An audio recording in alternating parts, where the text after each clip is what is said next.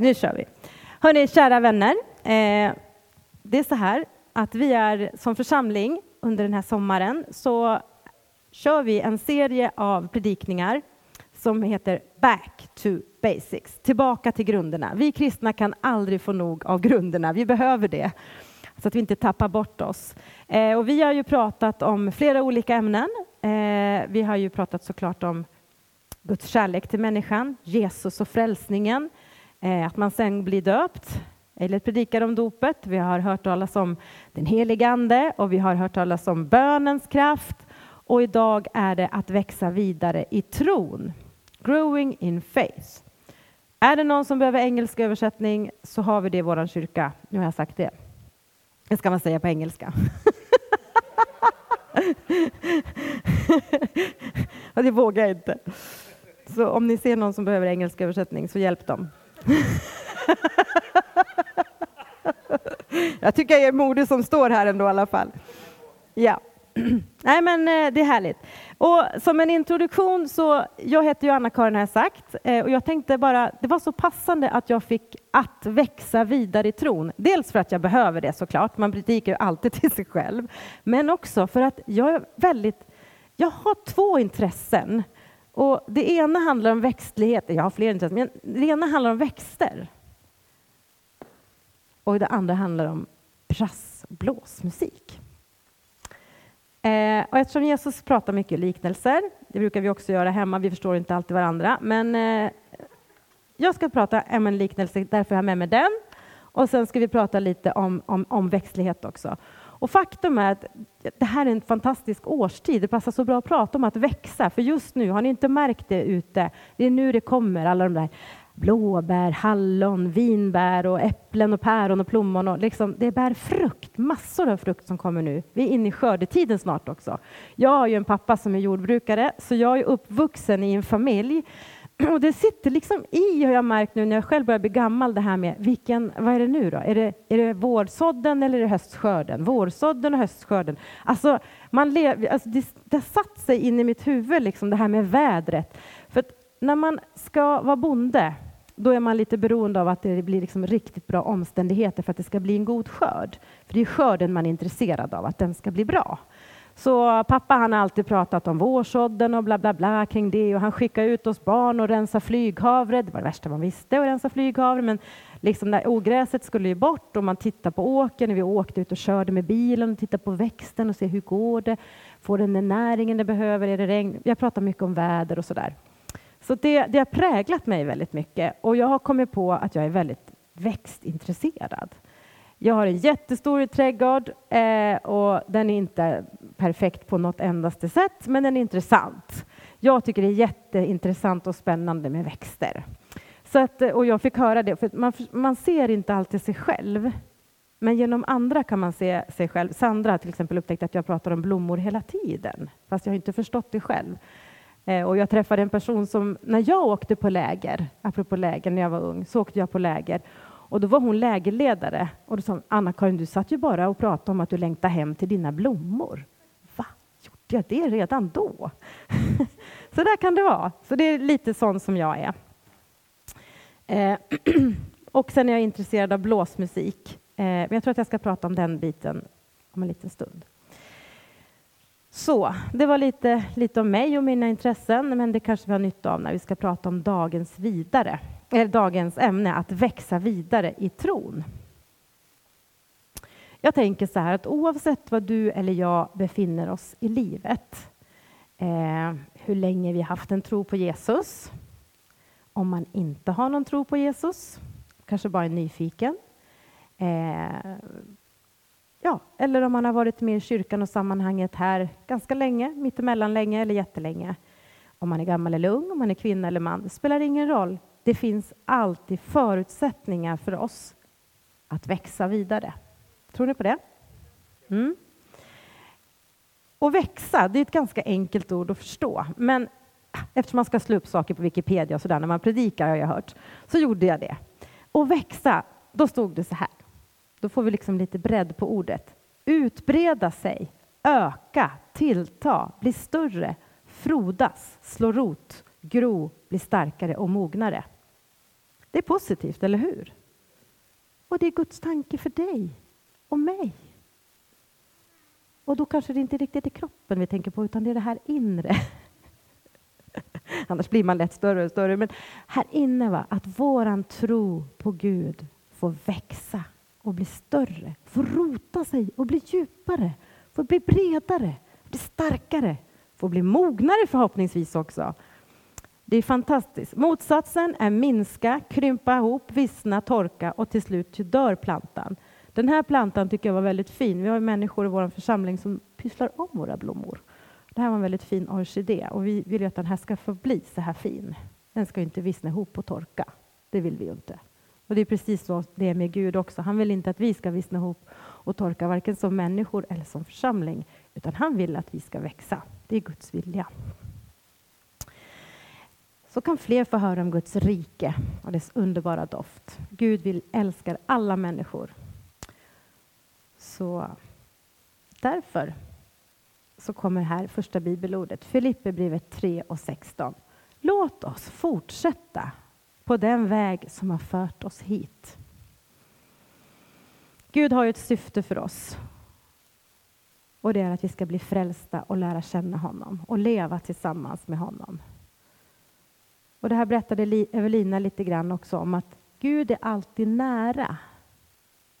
Men vi kan ibland, liksom om Gud är här, så kan vi ibland vända oss bort. För vi har ju fått lära oss att när man blir frälst, då blir man ju en ny skapelse. Allt det gamla är förgånget, något nytt har kommit. Man är en ny skapelse om man får leva nära Gud. Men ibland då tenderar vi liksom att glida lite åt ett annat håll och börja liksom... Ah, det är då, därför Jesus hela tiden säger omvänd er. Hallå, omvänd er, vänd er till Gud. Och så får vi vända oss hit. Och så får vi fortsätta på den här vägen. Och närmare och närmare Gud. Och det tror jag är Guds plan. Så låt oss fortsätta på frälsningsvägen. För det kristna livet, det är inte statiskt. Det är bara början. Det är liksom entrébiljetten att bli frälst. Det är entrébiljetten till ett liv där man kan få upptäcka väldigt mycket spännande saker. Utveckling och tillväxt. Och i den här vandringen så är det faktiskt så att Gud har tänkt han har inte tänkt så här små tankar, han tänker jättes det är så stora tankar som man knappt kan ta in dem när jag läser de här bibelorden. Och det handlar om att vi ska bli lika Jesus. Så Romarbrevet 8 och 29 säger, de som han i förväg har, har känt som sina har han också förutbestämt. Det är alltså du och jag. Han har bestämt om oss redan förut att vi ska formas efter hans sons bild för att sonen skulle vara den förstfödde bland många bröder och systrar kan man lägga till. och det här tycker jag är stort. Eh, Jesus är en mönsterbild. Han är liksom ritningen på kartan för oss efter vilken vi faktiskt ska formas. Kan du tänka dig att just du ska formas och bli mer lik Jesus? Och det är väldigt spännande, för vad händer om vi allesammans blir mer och mer lik Jesus? Om tron växer och växer i våra liv, vad händer då på den här platsen? Det kommer bli jättespännande att följa, tänker jag. Jag tror faktiskt att, att det kan hända en hel del. När vi blir lika Jesus, ja, då kan vi få leva det här livet som bär frukt. Och det tror jag är Guds plan för oss. Ett liv där vi bär frukt. Eh, så Jesus han jämförde människan med ett träd. Det här är ju inget träd, men det får symbolisera det. Det är en växt där. Han, han jämförde människan med ett träd och de goda gärningarna med trädets frukt. Ett ont träd, säger Bibeln, kan inte bära god frukt. Men det är på frukten man känner trädet. Bibeln säger alltså att vi som är kristna ska bära god frukt. Och vad innebär det? Hur gör man det? Va? Hur kan vi bära frukt? Jag kikade lite grann i Apostlagärningarna, för det handlar ju mycket om gärningarna, liksom, bära frukt, det som hände när församlingen väl hade startat i Bibeln. Så kan man läsa i Apostlagärningarna vad de fick vara med om. Eh, de utförde Jesu gärningar. och, och, då fick man se en kille där som hette Saulus. Det var ingen trevlig typ. Saulus var verkligen jätteotrevlig. Han var så otrevlig att han, han det står så här, Saulus andades hot och mordlust. Men honom vill man inte ens träffa. Eller hur? Men han träffade Jesus. Och då händer det massa grejer. Jag kommer inte dra dem nu, för det har inte jag tid med, men det kan du läsa om i Apostlagärningarna. För syftet är att vi ska läsa Bibeln. Men han bytte namn när han blev frälst. Så radikalt var det. Han döptes och han gick med den helige Ande ut i världen. Och så står det så här. Gud gjorde ovanliga under genom Paulus händer. Det var inte dåligt. Det var alltså inte Paulus som gjorde undren, utan Gud gjorde undren genom Paulus händer. Eh, och I Apostlagärningarna vidare var en annan kille, han hette Petrus. Han kom till en förlamad man. Han hade varit förlamad i åtta år och han sa till den här mannen, Jesus Kristus botar dig. Så sa han. Enes, som mannen hette, han blev helad från sin förlamning. Det är stora grejer. Och då var det så att man sa Jesus Kristus botar dig. Presens, här, nu. Jesus botar dig. Ta emot. Det är en gåva som åker rakt igenom. Från Gud, genom Petrus, till den förlamade mannen. Mm. Och det tycker jag var häftigt. Så man kan säga att eh, när Petrus gjorde det här så, så var det ju väldigt lika när Jesus själv gick runt och botade folk. Skillnaden var ju att Jesus, han var inte där, utan Jesus gjorde det genom Petrus. Petrus var en kanal. Han var ett kärl, ett instrument. Han var ett instrument som valde att sätta sig själv i Mästarens händer, kan man säga. Och, och, och där tänkte jag då liksom att göra en liten liknelse med mitt instrument. Det här är ju, visst är den fin? Det är ett flygelhorn. Jag tycker det är ett jättevackert instrument. Eh, och jag skulle vilja säga det här som en liknelse, att du och jag, vi är som det här flygelhornet. Eh, det kan komma ut trudelutter, vacker musik. Eh, och det kan man liksom då se ungefär som att andens eh, under skulle kunna hända. Men för att det ska, alltså instrumentet i sig själv är ju inte särskilt levande. Eh, det händer ju inte så mycket, bara, man kan titta på det och se att det är fint då, men, men, men eh, för att det ska bli musik så måste ju mästaren, musikanten, blåsa. Och det här är liksom kanaler hela vägen så här. Och sen kommer det ut musik. Sanningen är att jag inte spelat på det här ett tag. Jag har tagit lite semester från instrumentet. Det ska man inte egentligen göra. Va? Så de här, de går inte att trycka ner. Lite kanske. Nej, då fastnar de. Inte bra. Vet ni vad som händer? Hur, hur, vad, vad behöver man göra nu? Ja, vad smörjer man med? Ja, första raden kunde det, de är lite släkt med mig. Man måste smörja ventilerna, då liksom plockar man ut här och så häller man i olja och så grejer man och donar. Och då kan man spela sen. Det går jättelätt att spela när man har fått olja. Och oljan är en bild på den helige Ande. Så Gud behöver blåsa och det behöver vara olja. Och det är det vi behöver. Vi behöver Guds vind genom våra kanaler och vi behöver Guds smörjelse över våra liv. Och jag tror vi kan få det om vi ber om det. För Gud är god. När man ber om helig ande, då ger han oss helig ande. Han är en god far. Han är inte den som skulle ge en sten eller en orm till sina barn när de ber om helig ande. Så att jag tror faktiskt att vi kan bära frukt. Andens frukt kommer när vi lever nära Jesus. Och vi, vi vill ju bära god frukt, men kan vi göra det utan att göra det i egen kraft? För det tror jag inte att vi ska göra. Vi kan kika på den här bilden då, när Jesus pratar om vinträdet och grenarna. Johannes 15. Förbli i mig, så förblir jag i er. Liksom grenen inte kan bära frukt av sig själv om den inte förblir i vinstocken så kan inte ni det heller om ni inte förblir i mig, säger Jesus. Jesus säger, jag är vinstocken, ni är grenarna. Om någon förblir i mig och jag i honom, då bär han rik frukt. Amen. Utan mig kan ni ingenting göra. Utan Gud, då blir det liksom, eller utan musiken blir det ingen ton i den här. Det är tyst.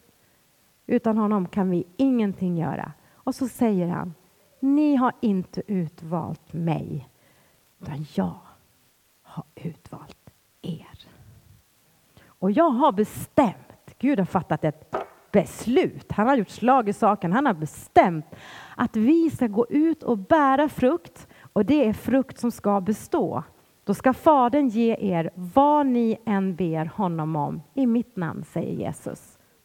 Förbli i mig, så förblir jag i er. Om jag nu bryter av en gren här, tar en som inte har någon blomma på. Det var lite svårt, men om jag bryter av den här grenen och så lägger den här, tror ni att det kommer komma en blomma där? Det kommer inte komma någon blomma där, Eilert. Det gör inte det. Men här, på de här, där kan det komma. Vi måste hålla fast i Jesus, i vinstocken. Han säger att han är vinstocken och vi är grenarna. Och jag tror att Jesus använder bilden av ett vinträd för att beskriva den relationen som vi har till honom. Han är trädet, trädet och vi är grenarna. Frukten kommer ju på grenarna, men det är inte grenarna liksom som trollar fram dem på något häftigt sätt. Utan för att det ska bli frukt och vindruvor så krävs det att näringen kommer i, i liksom, vad heter det? stammen, ut i grenen. Och, och liksom det är så att vinträden de är som kanaler. Så, här. så vi är liksom den här kanalen igen. Näringen kommer från Jesus och så kommer frukten. Så det är Jesus som skapar frukten igen. Det är, vi är bara kanalerna. Men för att kunna vara kanaler så måste vi hålla fast i vinträdet. Vi måste förbli i Jesus. Vi kan inte springa runt för oss själva utan vi måste hålla oss nära honom. Det tycker jag är så härligt att det ändå funkar så, att det är Gud som... Det är därför inte vi behöver känna prestation, utan vi ska tänka på relation, att vara med Jesus. På grekiska så betyder ordet förbli, det betyder att inte gå. Att förbli som en. Och det är lite som äktenskapet. Jag är gift med Eilert. Jag förblir hans fru, även om vi sticker iväg på olika håll, vi jobbar på olika ställen, vi gör lite olika saker. Men jag träffar honom igen. Jag odlar tid, höll jag på att säga, och relation med Eilert. Vi förblir. Jag förblir hans fru. Jag håller mig till honom. Då har vi en bra relation. Och likadant får vi göra med Jesus. Hålla oss till Jesus, vara med honom, investera tid med Jesus. Då kommer frukten. Den som tror på mig ska utföra de gärningarna som jag gör och ännu större än dessa ska han göra. Ty jag går till Fadern. Vad ni än ber om i mitt namn, det ska jag göra för att Fadern ska bli förhärligad i Sonen. Om ni ber om något i mitt namn, då ska jag göra det. Amen. Det här är ju så stora löften att de är, man måste ju liksom läsa dem om och om igen för att det ska gå in. Om ni förblir i mig, mina ord förblir i er. Be om vad ni vill och ni ska få det. Min fader förhärligas när ni bär rikt frukt och blir mina lärjungar. Så bön och bibelläsning, det hör ihop. Det ser vi av det här ordet. Vi kan be och få om vi förblir hos Jesus, om Jesu ord förblir hos oss. Bönen och ordet hör ihop tillsammans. Och jag tror också att ett annat viktigt perspektiv är att inte jämföra oss med varandra. Vilken frukt som den eller den eller den eller den bär. När vi ser på varandra, då blir vi förvirrade. När vi ser på oss själva, då blir vi förtvivlade. Men när vi ser på Gud, då blir vi förvandlade. Amen. Amen. Men det finns ju en annan plan också och det är mörkrets makter som vill stoppa oss, som vill dra ner oss, som vill hindra oss, som vill kväva oss, göra det kallt, mörkt och eländigt. Och det är tjuven. Han kommer få stjäla, slakta och döda i våra liv. Och jag kan säga att lögnaren vill gärna skicka saker, tankar till oss som inte är Guds ord. Och ibland går vi på dem. Vi tänker vi är mindre värda, jag betyder ingenting, jag kan ingenting, det kommer aldrig gå bra, det kommer såna här saker emot oss. Och det gjorde det mot Jesus också. Men han svarade faktiskt, när han hade varit fastat i 40 dagar ute i öknen och var matt och trött och slut, då kom djävulen fram och försökte fresta honom. Men han besvarade den onde med Guds ord. För det visste han var sanningen och det är liv. Och ibland finns det saker som vill stjäla från oss. Till exempel stjäla våran tid som vi egentligen behöver för att umgås med Jesus. Och då kan det vara så att vi behöver vara beredda att ta bort någonting för att få mer plats för Guds ord och bön. När jag läste på om vinträd och vinodlingar och sånt där inför predikan, då liksom, oh, jag hoppade till. Jag visste ju när man jobbar med så här mm, trädgård och sånt att man måste klippa lite grann för att, ja men till exempel äppelträd, beskär dem, det kommer jättemycket äpplen. Man måste göra sånt där. Även om det känns jobbigt att klippa bort grenar så kommer det mycket mer då. Det blir mycket bättre och plantan mår bra och den föryngras och den blir för fin och så härlig. Och så läste jag om vinträdet. Jag tänkte, ja, jag vet ju att Gud måste plocka bort saker i våra liv. Och då stod det, beskär trädet till 90 procent. Whoops, man så det blir inget kvar. Oh, hjälp, jag vågar inte be Gud om att beskära i mitt liv. Kommer, kommer allt roligt att försvinna? Nej, men så är inte Gud. Han är ju god. Om han tar bort någonting från dig som du tror att du tycker att det är jätteroligt och det här behöver jag verkligen ha, så kommer han ersätta med någonting som är mycket, mycket bättre. Ibland är det så att vi har så fullt upp med olika saker så att vi kan inte ens ta emot det från Gud. Har du, har du händerna fulla, hur ska du då, om, om Gud vill ge mig ett glas vatten och jag har händerna fulla med annat, det är svårt att ta emot det. Ibland behöver vi Gud få beskära, vi behöver be den där modiga bönen. Käre far, rensa upp i mitt liv. Ta bort det som inte ska vara där. Det är tufft att be den bönen. Man får ofta bönesvar och det kan kännas jobbigt. Men sen kommer det någonting mycket bättre, någonting mycket mer. Guds härlighet. Och lite mer här. Jesus sa också, Guds rike är som när en man sår säd i jorden. Han sover och stiger upp. Natt blir dag och säden växer och skjuter i höjden. Han vet inte hur. Av sig själv bär jorden gröda. Först strå, sen ax och sen moget vete. Och när grödan är mogen så låter han skäran gå för att skördetiden är inne. Mm. Det är inte mycket som eh, bonden egentligen kan göra för att eh, få det här fröet att börja växa. För det lilla fröet, vetekornet till exempel, är fullt med liv och Guds ord är som liv. När man sår det och stoppar det i rätt miljö, då börjar det växa. Av sig själv börjar det växa. Plötsligt gror det. Fröet kan ha legat under en lång tid, men när det hamnar i rätt miljö, då börjar det växa. Och nu kommer den här bilden som jag råkade visa alldeles nyss. Det här, vad kan det här vara tror ni? Ett lik. Det är en grav. Där växer ingenting. I graven är det torrt och mörkt och tråkigt. Det berättas att när arkeologen Howard Carter öppnade Tutankhamons grav, då fann man sädeskorn inne i gravkammaren. De hade legat där i 3200 år. Och vad hände när man la dem i jorden? De grodde började växa. Det är jätte, faktiskt jättehäftigt. Alltså det är helt makalöst häftigt att det började gro efter så många tusen år. Det handlar alltså om att livskraften finns i själva fröet. Det finns i Guds ord. Men det som bonden har ansvar för det är ju att liksom ordna en god växtmiljö. Det som du och jag har ansvar för är att ordna en god växtmiljö för Guds ord i våra liv. Rensa bort ogräs som kan stjäla näring från fröet tillföra näring. Vi behöver vara tillsammans med andra kristna. Vi behöver vara med i församlingen. Vi behöver söka Gud. Vi behöver vara med Gud och vara med i sammanhang som, eh, där Guds ord förkunnas.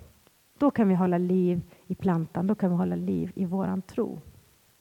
Det är en nyckel för oss att leva med Guds ord. För allt som växer behöver tillskott av näring.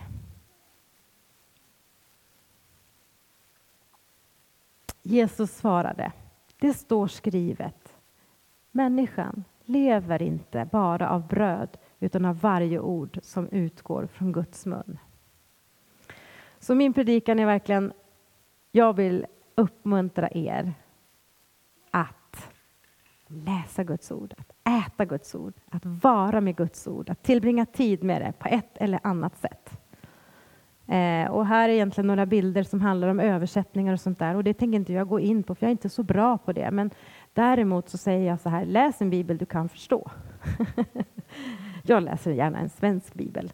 Jag läser gärna 1917, men den är lite knepig. Men man kan också läsa folkbibeln eller någon nyare version. Jag tror jag har en annan här fram, Levande bibeln. Den är bra också tycker jag.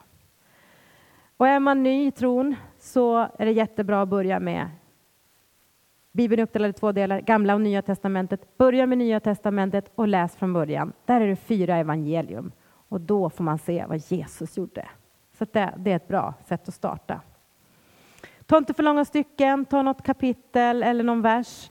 Du kan, man kan nöta på en och samma vers i en vecka, två veckor, tre veckor. Det gör inget. Det behöver vi. Det behöver fastna. Vi behöver komma ihåg det. Och när man läser Guds ord så ska man också vara medveten om att när jag tar fram Bibeln, då tar jag liksom fram Gud. I princip så har vi Gud hemma på våra nattduksbord. Det här är levande. Förvänta dig att du ska få någonting. Ibland kan det verka torrt, ibland kan det verka som att man inte... Men, men det händer någonting med oss ändå. Alltså det är ju som att när vi äter mat, det är väl inte varenda måltid som vi bara oh, yeah! Jag käkade gröt, wow! Men vi behöver det ändå, för om vi inte äter den där gröten då vissnar vi ner och skrumpnar ihop och dör. Och vet ni vad som händer om man inte äter mat, vanlig mat? Alltså, då tappar man hungerkänslorna. Man behöver äta. Om tycker du så att nej, men jag är inte så eh, intresserad av Gud längre, nej men börja läs. Det kommer, det väcker en hunger. Och Gud ger chansen till dig att du ska få lära dig någonting, att du ska få upptäcka honom, att man ska få tid att umgås med sin skapare. Och tycker du inte om att läsa Bibeln, för du tycker det är jobbigt med läsning, lyssna. Ta en app i telefonen, ljudbibeln. Tycker det är jobbigt att både läsa och lyssna, det är jättejobbigt båda två. Ja men sjung då! Det är jättebra. det finns bibelsånger och då fastnar det. Så att, eh, men jag vill verkligen uppmuntra er till att använda Bibeln ännu mer. Jag vet att ni gör det, men vi kan aldrig få nog. Salmen 119, det är väl det längsta kapitlet i hela Bibeln tror jag. Det bara handlar om att älska Guds ord rakt upp och ner, vers för vers för vers. Och den säger öppna mina ögon så jag ser undret i din undervisning. Psalm nästa eh, vers 130. När dina ord öppnas, då ger de ljus och förstånd åt enkla människor. Fantastiskt, till och med mig. Wow. Mm. Så ta texten och ordet in i ditt hjärta. Fundera lite grann på vad som händer med dig och vad du tänker. Be Gud tala till dig genom sitt ord. Evelina skulle börja läsa krönikeböckerna här ett tag, med var massa såna här långa eh, släkthistorier och allt möjligt. Och ändå kände du hur Gud talade till dig. Du ringde och sa det häromdagen. Jag tyckte det var roligt att höra. Det är oslagbart. Det är bara Gud som kan göra sånt där. Och Guds ord, det ska inte bara läsas eller lyssnas på. Det ska praktiseras. Vi ska ta det här ordet och göra det till handling. Jakob, ni vet det står, var ordets görare, inte bara dess hörare. Annars bedrar ni er själva. Och det är ju lite onödigt att lura sig själv. Kan åtminstone lura någon annan, men lura sig själv är ju riktigt dumt. Så walk the talk. Testa, ta ord, ta fram ett ord, testa och gör det. Jag tror faktiskt att Gud kommer välsigna dig. Jag tror det. Det kommer hända grejer. Det kan vara så enkelt att man tar fram sin eh, sändlista i telefonen och säger Gud, eh, har du något ord till någon? Och så tar man fram ett bibelord.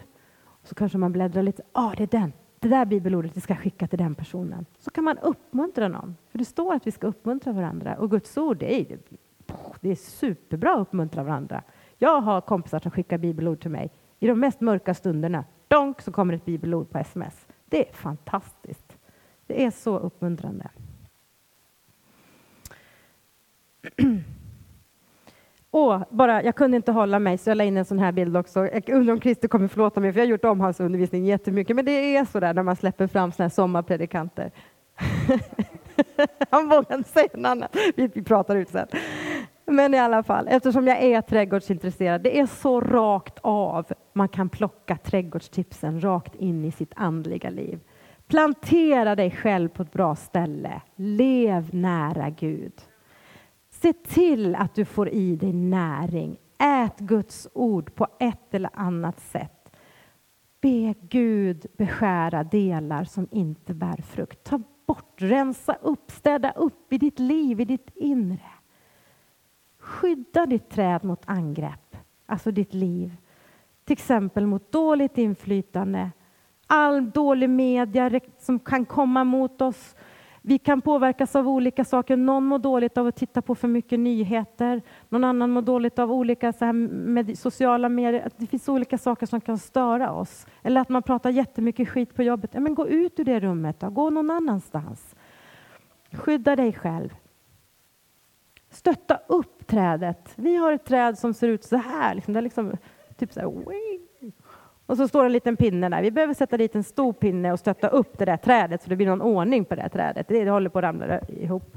Så, och det kan man vara att man tar, man tar en vän, eller man tar en pastor, eller man tar någon och bara säger jag behöver hjälp. Kan du stötta mig? Be för mig. Och till sist, behåll inte frukten för dig själv. För det är väl inte meningen att man ska sitta och smaska på äpplen och päron hemma. Utan Gud behöver inte dina goda gärningar. Du kanske behöver goda gärningar, men definitivt andra behöver det. Jesus Kristus ska bli känd, trodd och älskad av många fler. Och när det goda får synas i våra liv eh, och vi börjar göra Jesu gärningar, då, då tror jag att Gud kommer förhärliga sig själv genom dig och du får vara hans kanal. Amen.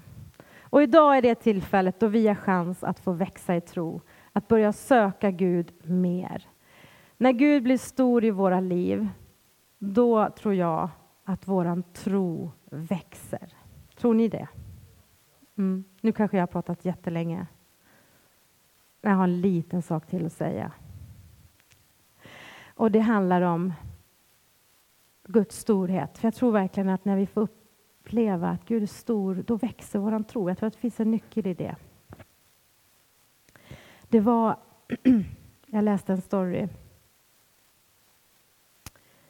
Eh, ska se om jag får fram den. Hmm. Jo, det var en pojke. Det här jag har läst, men ni får ta, jag, jag vågar ta det ändå. Det var en pojke, en liten story så här.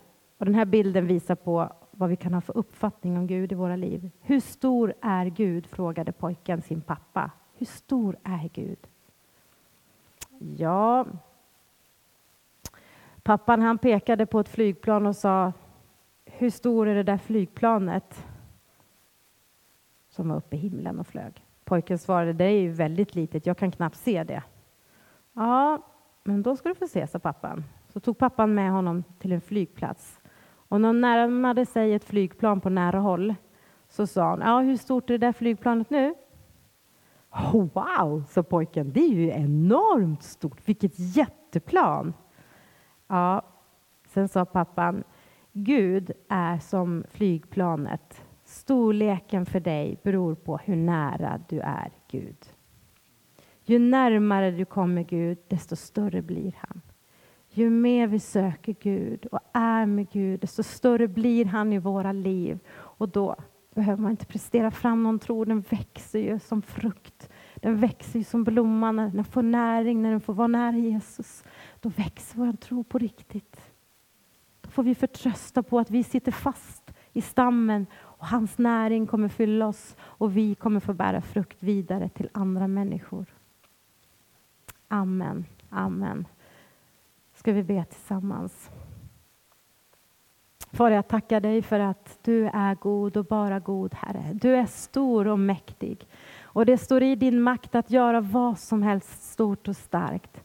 Tackar dig Herre för att du kan göra saker för oss men också genom oss Herre. Fader jag ber att du skulle välsigna och förvandla oss idag Herre. Att vi skulle få en förnyad tro på dig. En förnyad tro på vad du kan göra genom oss. Att du skulle städa och rensa upp i våra liv och, och ge oss på nytt en hunger efter att söka dig, en hunger efter att vara i din närhet. En längtan som skulle födas i våra hjärtan så att vi börjar att söka dig, finna dig, att vi börjar be till dig, att vi börjar bulta längta och att dörren börjar öppnas för oss, att vi kommer in i någonting nytt, att, att vår församling börjar att söka dig, att vår församling börjar att växa till i tro på dig Jesus Kristus. Så jag ber dig Fader i himlen att du skulle komma till oss, att du skulle möta med var och en av oss. Du känner oss där vi är Herre, rör vid våra liv, rör vid våra hjärtan och hjälp oss Herre att våga be modiga böner, att våga släppa taget om saker som vi inte ska hålla på med, att våga sträcka ut våra händer mot dig och bara ta emot. Bara ta emot från dig Gud. Kom helige Ande och låt oss få känna dig här idag. Kom helige Ande och fyll oss. Kom helige Ande och vidga våra hjärtan, vidga våra andliga ögon så att vi ser stort ditt hopp är på oss när vi börjar tro på dig. Tack kära Jesus Kristus för att du verkar i våra liv. I Jesu namn. Amen.